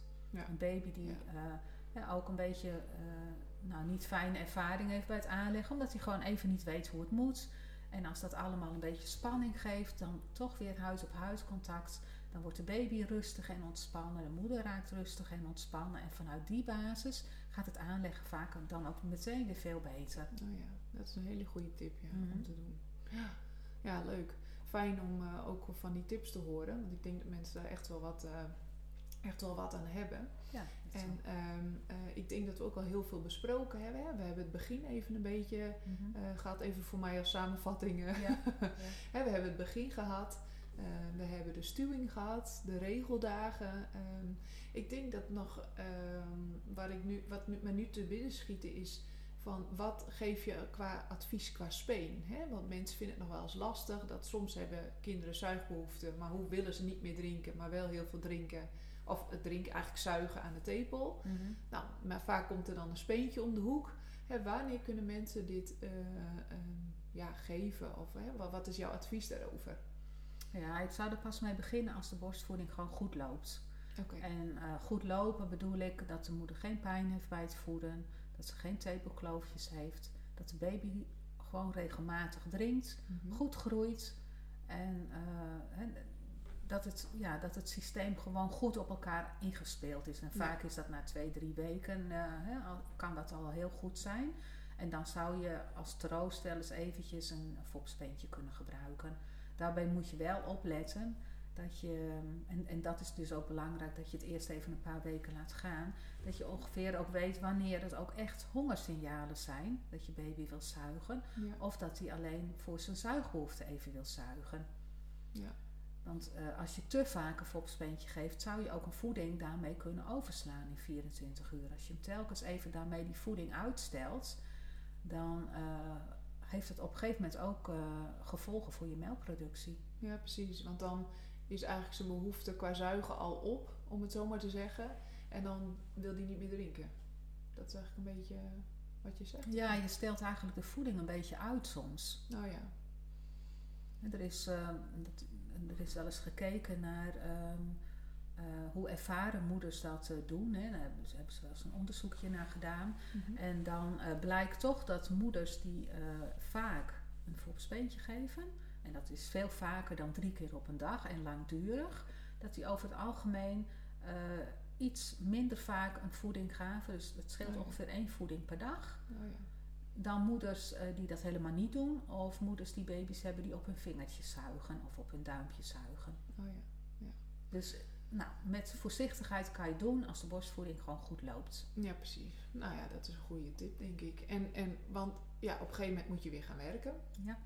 En dan is je verlof over. Mhm. Ehm, hoe zit het dan eigenlijk? Want nou, je, iemand moet een flesje gaan geven op een gegeven moment. Hè? Tenminste, als je weer aan het werk gaat. Ja. En dan kan je prima natuurlijk je borstvoeding in een flesje doen. Mhm. Maar hoe, hoe moet je dat opbouwen? Want het is niet zo dat je dat zomaar, ehm, nou ja, nadat je bij wijze van spreken na twaalf weken weer aan het werk gaat, dat hij gelijk weet ook hoe hij die fles moet drinken. Nee, hè? klopt. Nee, je kan het beste dan, als, ook dan weer, als de borstvoeding goed Mhm. loopt, Ja, ongeveer een week of drie goed loopt, dan zou je eens kunnen proberen met een klein beetje te geven met een flesje. En dat hoeft niet een hele voeding te zijn. Dat, kunnen gewoon, dat kan gewoon 20, 30 milliliter zijn. Dat de baby gewoon gewend raakt aan het drinken aan een flesje en een speen. Ja. Ehm, dus nou, over het algemeen wordt er gezegd, begin er in ieder geval voor zes weken mee, voordat de baby zes weken oud is. ja, Maar dat is een algemene regel. Als er dan nog eh, problemen zijn bij het geven van borstvoeding, dan zou je dan misschien toch een beetje anders mee om moeten gaan. Maar dan is er vaak ook weer misschien een lactatiekundige in Ja, beeld. precies. Die je daarover kan adviseren. Ja, die dat kan begeleiden. Ja, Maar het is wel zo dat je dat moet oefenen, hè? Ja. Dat je dat zo'n flesje ook moet oefenen. Ja, Eh, zeker. Dat het moet leren. Te, ja. Want ik hoor nog wel, heel af en toe nog wel eens vrouwen zeggen van ja, ik kan echt niet eh, van mijn werk af zijn, want eh, eh, de, het kindje wil de fles niet drinken. ja En dat krijg je vaak als je echt alleen maar borstvoeding hebt gegeven en geen fles en je ging weer aan het werk en dan ineens een fles geven. Ja. Dat is niet, eh, Ja. eh, daar moet je toch wel even rekening mee houden. Ja. Dat is dan in principe een vreemd ding. ja precies. En die baby die is al heel vaak lekker verzadigd geraakt aan de borst van de moeder. En dan krijg je ineens zo'n vreemd ding. Daar moet je even vertrouwen in krijgen natuurlijk, dat dat ook melk geeft. Ja, ja. Dus dat heeft tijd nodig en ook niet onder druk. Dus daarom eh, is mijn advies meestal van begin, eh, als het allemaal goed loopt, ongeveer bij zes weken. En doe dan gewoon kleine beetjes of doe het een beetje spelenderwijs. ja, precies. En eh, een paar slokjes of 10, 20, 30 milliliter en dat is genoeg. En dan weer lekker aan de borst. Oh, ja. Maar dan heeft een baby dat toch, en, en dat kan je bijvoorbeeld dagelijks doen of om de dag. Maar dat een baby dat blijft doen telkens. ja, precies. Je moet het wel een beetje onderhouden. Niet dat Ja. je één keer bij zes weken fles hebt gegeven en... eh, Nee. Nee, precies. Maar moet dat om de... Of moet, nou, niks moet. Maar hè, is dat wenselijk om dat om de dag te doen dan? Ja, ik zou het wel regelmatig doen. Oké. Want als een baby dat gewoon accepteert en je denkt, nou, dat is eh, oké. En dat gebeurt wel, en dat hoor ik wel eens in de Ja. praktijk. Het is oké. En dan ineens door omstandigheden gewoon drie weken niet. Dan heb je dan soms ineens een baby die het niet meer wil. Nee, precies. Dus als je het aan het opbouwen bent, kan je toch beter regelmatig eventjes... Even eh, wat aanbieden. ja. Oké. Ja. En ehm, op het voedingscentrum staat een hele leuke folder over flesvoeding. Ja. Dus ook over hoe je moedermelk kan geven in een flesje. En dat, daarin zie je ook alweer dat het, hè, dat het advies tegenwoordig veel meer is op basis van de behoeften van de baby. En eh, de- het flesje op een bepaalde manier aanbieden. En ook dat er regeldagen zijn. En ook dat er eh, momenten zijn waarop een baby wat vaker, minder vaak eh, eh, ja, wil drinken, Wil zeg drinken. maar. Ja, precies. Oké. Hè, want het gevaar met het geven van een flesje is dat je graag als moeder het flesje leeg wil hebben. Ja. maar dat je gewoon ook stopt als de baby aangeeft dat hij gewoon genoeg heeft. Ja, precies. Daar staat erg, echt hele leuke informatie in. Oké, nou, Ja. goede tip. Ja. Leuk. Hey, en dan ga je aan het werk. Hoe ga je dat als vrouw doen? Nou, ik zou adviseren om van tevoren aan je baas, dus als je eh, voor je baas werkt, zeg maar, om in je zwangerschap al te vertellen wat je van plan bent. Dat je borstvoeding wil gaan geven. En dat je op je werkruimte gaat kijken of daar een plek is waar je kan kolven Mhm. zonder dat je gestoord wordt. Dat er een plek is waar je melk kan bewaren op je werk. Dat moet ook een goede koelkast zijn, die natuurlijk hygiënisch schoon is, maar ook 4 graden heeft. Dan kan je je melk goed bewaren. Of dat er misschien een mogelijkheid is als je dicht bij je werk bent, dat je onder werktijd even naar huis gaat om te voeden. Of dat je kindje bij je gebracht wordt om te voeden. Dat kan ook. Oh, Je hebt in principe 25% van je werktijd mag je besteden aan kolven of voeden. Oké. En Dat is wettelijk eh, dat is wettelijk geregeld. vastgesteld. Oké. Ja.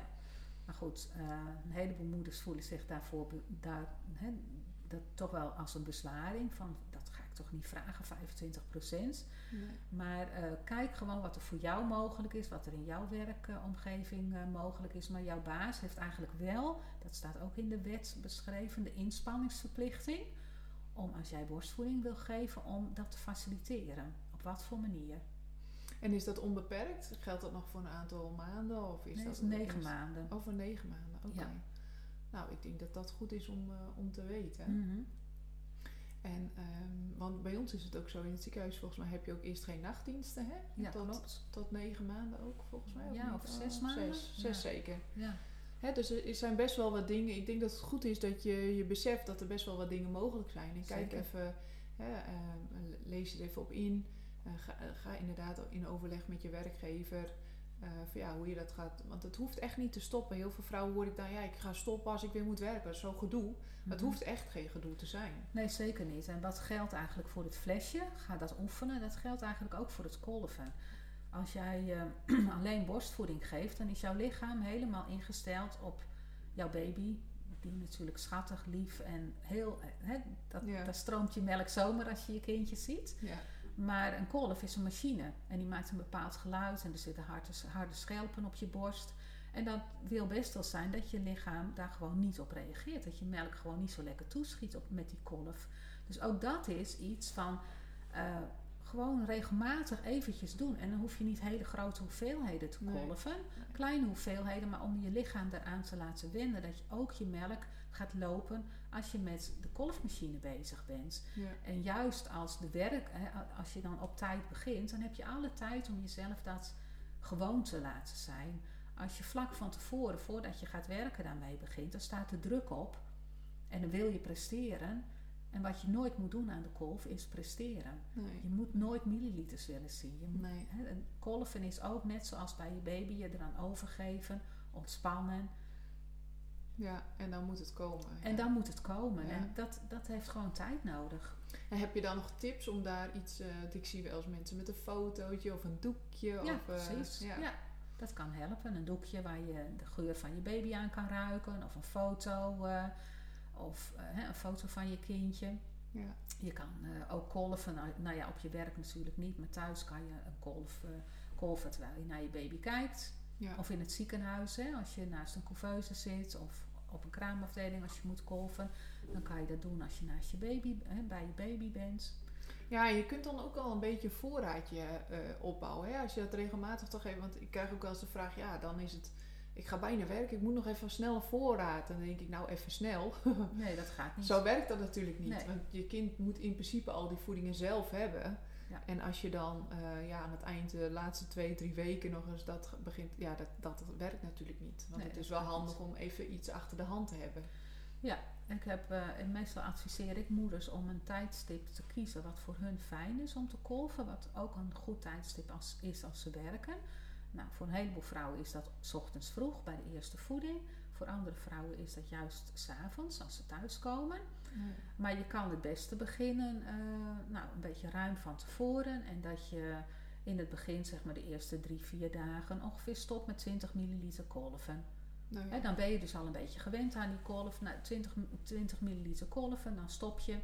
En als dat goed gaat, dan ga je de volgende 4, 5 dagen, ga, maak je er 40 milliliter van. Ja. En de volgende 4, 5 dagen maak je er bijvoorbeeld 80 milliliter van. En zo kan je telkens stapje voor stapje opbouwen. Dat heeft het voordeel dat je melkproductie zich daarop aanpast, geleidelijk aan. Dus je baby die heeft niet ineens een regeldag te pakken, omdat jij ineens 100 milliliter uit je borsten gekolfd hebt van de ene dag op de andere dag. Nee. Want dat merkt je kindje meteen, Ja. want dat is er dan niet. Nee. Dus als je het heel geleidelijk opbouwt, dan bouw je ook heel geleidelijk je melkproductie op. Ja. En je baby merkt er eigenlijk niks van. En jij bouwt een voorraadje op. Wat dan wel nodig is, stel dat je elke dag eh, 100 milliliter kolft, dan heb je echt een grote hoeveelheid. Nou, dat vind ik ook. Ja. ja, maar dat kan echt als je het geleidelijk opbouwt. Oké, ja. Dan eh, kan je daar niet ineens, als je drie dagen vrij bent, mee stoppen.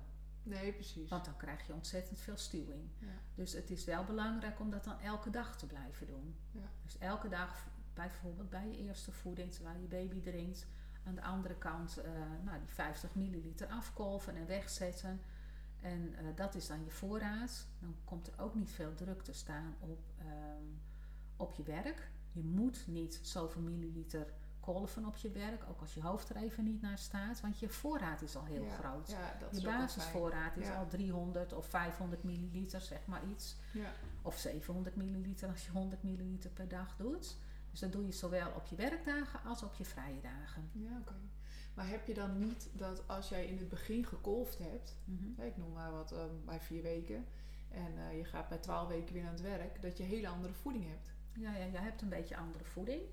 Maar ehm, dat wordt gewoon gemixt met de borstvoedingen die je de, de rest van de dag geeft. Ja, precies. Dus dat dat is geen- niet, e- Helemaal geen punt. Nee. Nee. Nee. En, en eh, hoe warm je het op? Want, het komt, want je mag het bewaren, maar Ja. kun je iets vertellen over het bewaren en dat weer opwarmen van die moedermelk? Nou, ook, ehm, ja, ik verwijs eigenlijk best wel vaak naar de site van La Leslique. Daar staat een heel mooi schema over hoe je melk eh, kan bewaren en hoe lang je melk kan bewaren. Kijk, in het ziekenhuis waar heel veel handen, verschillende handen in dezelfde koelkast zijn, is de bewaartijd gewoon heel kort. Twee dagen in de koelkast. Maar thuis mag je het wel acht dagen bewaren in de koelkast. Als je koelkast maar mooi gekoeld is op 4 graden. In een diepvries kan je het nog veel langer bewaren. Nou, het, eh, het proces van koud naar warm, dat is het belangrijkste dat dat gelijk, gelijkmatig gaat. Want vooral in het verwarmen kunnen er eh, bestanddeeltjes van de melk kapot gaan. Nou, ik vind dan een heel goed voorbeeldje van eh, moedermelk. In moedermelk zitten levende cellen. Het is geen dode vloeistof. Er zitten levende cellen, net zoals in je bloed. Er zitten namelijk witte bloedcellen in. En die witte bloedcellen, die leven. Die zijn dus ook bezig in die melk om rond te zwemmen en zo, ook als ze in de koelkast staan. Nou, die, als, je, als je dan heel snel en hoog de melk verhit, dan gaan die stofjes voor een deel of helemaal kapot. Ja. Hè, je zou, niemand zou ook een zakje bloed in de magnetron willen zetten. Dan. Nee, Dus dan, dat- eh, dat wordt heel hard afgestraft. Ja, eh, ja. nee, Dus dat, dat doe je ook niet eh, met moedermelk. En dat kan je dus het beste gewoon gelijkmatig opwarmen. Of in een bakje met warm water. En dan geleidelijk aan eh, opwarmen. Ook van de koel, hè, als het ingevroren is, dat je het eerst naar de koelkast doet. En dan vervolgens geleidelijk opwarmt. Ja, meestal heb je ook wel van die flessenwarmers hè, die dat Kan ook. eh, regel- eh, ja, best wel volgens mij goed op. Ja, kan ook hoor. Ja. Maar niet in de magnetron, dat is een hele goede. Nee, dat zou ik niet doen. Nee, nee, dat lijkt me ook niet een eh goede. Nee, ja, super. Ik denk dat dat, dat een hele, hele handige tip is. Ja. Ja, er is wel eens een, vind ik altijd wel een leuk verhaal, er is eens eh, een onderzoekje gedaan naar de verontreiniging in de moedermelk. En eh, is de moedermelk gekolfd, in de koelkast gezet en eh, getest natuurlijk op verontreiniging. En na vijf dagen er weer uitgehaald en opnieuw getest op verontreiniging. En dan blijkt de melk schoner te zijn Oh ja? dan op het moment dat het in de koelkast gezet is. En om- dat komt dus door die witte bloedcellen die gewoon niks anders doen dan eh, alles wat er niet in hoort eh, op te vreten en onschadelijk te maken. Ja, jeetje mina. Ja. Bijzonder hè? Ja, dat is heel bijzonder. Ja. Ja. Grappig. Ja, ik denk dat we echt mega veel eh, besproken hebben. En ja, dat, dat moeders hier, die tenminste borstvoeding willen gaan geven, of dat je nog twijfelt, hier heel veel aan kunnen hebben. Ja, Ik- ik hoop het. En ze zijn altijd welkom om advies te vragen natuurlijk. Ja, nou, Mhm. want je hebt een website. Wat Ik heb een website. Ja, Wat is jouw, hoe heet jouw website? ja Artemis. Oh ja, Artemis. En ik heb een praktijk in Sneek. Nou, ik ben eigenlijk altijd bereikbaar. En eh, als mensen mij bellen en ik werk bijvoorbeeld in het ziekenhuis, dan kan ik de telefoon niet opnemen, maar dan bel ik eigenlijk altijd terug. Ja, nou, ik denk dat dat fijn is. Hè? Eh, vooral als je onzeker bent of dingen nog wilt weten, eh, om daar nog wat meer informatie in te krijgen. Hè, we hebben het ook al even aangekaart in het begin. Ik denk wel dat het gewoon voor iedereen goed zou zijn. Hè? Dat je een bepaalde basiskennis eh, Ja. hebt, wil je borstvoeding gaan geven. Hè, dus eh, ik denk dat dat nog wel eh, een van de tips is die in je zwangerschap ja, goed is om, om te doen. ja. En deze nou ja, podcast heeft natuurlijk ook al heel veel informatie gegeven. Ja. Dus ik hoop dat vrouwen er wat, wat aan hebben. ja, ik hoop het ook. Heb je voor de rest nog dingen die je denkt, oh dat wil ik nog even vertellen, of nog een tip, of een wijsheid, of wat je ook nog maar kwijt wilt, het kan nu nog. Nee, ik zou het eigenlijk niet weten. Ik hoop gewoon dat iedereen eh, de begeleiding krijgt die ze nodig heeft om van borstvoeding geven een fijne ervaring te maken. Want Ja. ja, dat is toch uiteindelijk op het onderaan de streep gewoon de allerbeste voeding voor je kindje. En het meest gezonde voor jezelf om te doen om borstvoeding te geven. Dat is een mooie afsluiter. Oké, Bedankt. goed. Dankjewel. Deze podcast dient als inspiratie en voorbereiding op jouw zwangerschap en bevalling. De informatie die gegeven wordt kan handig zijn voor jou, maar het kan niet worden gezien als een medisch advies. Voor meer informatie over hoe jij je het beste kunt voorbereiden op jouw bevalling, ga dan naar www.krachtigbevallen.nl. Het online platform voor zwangere vrouwen.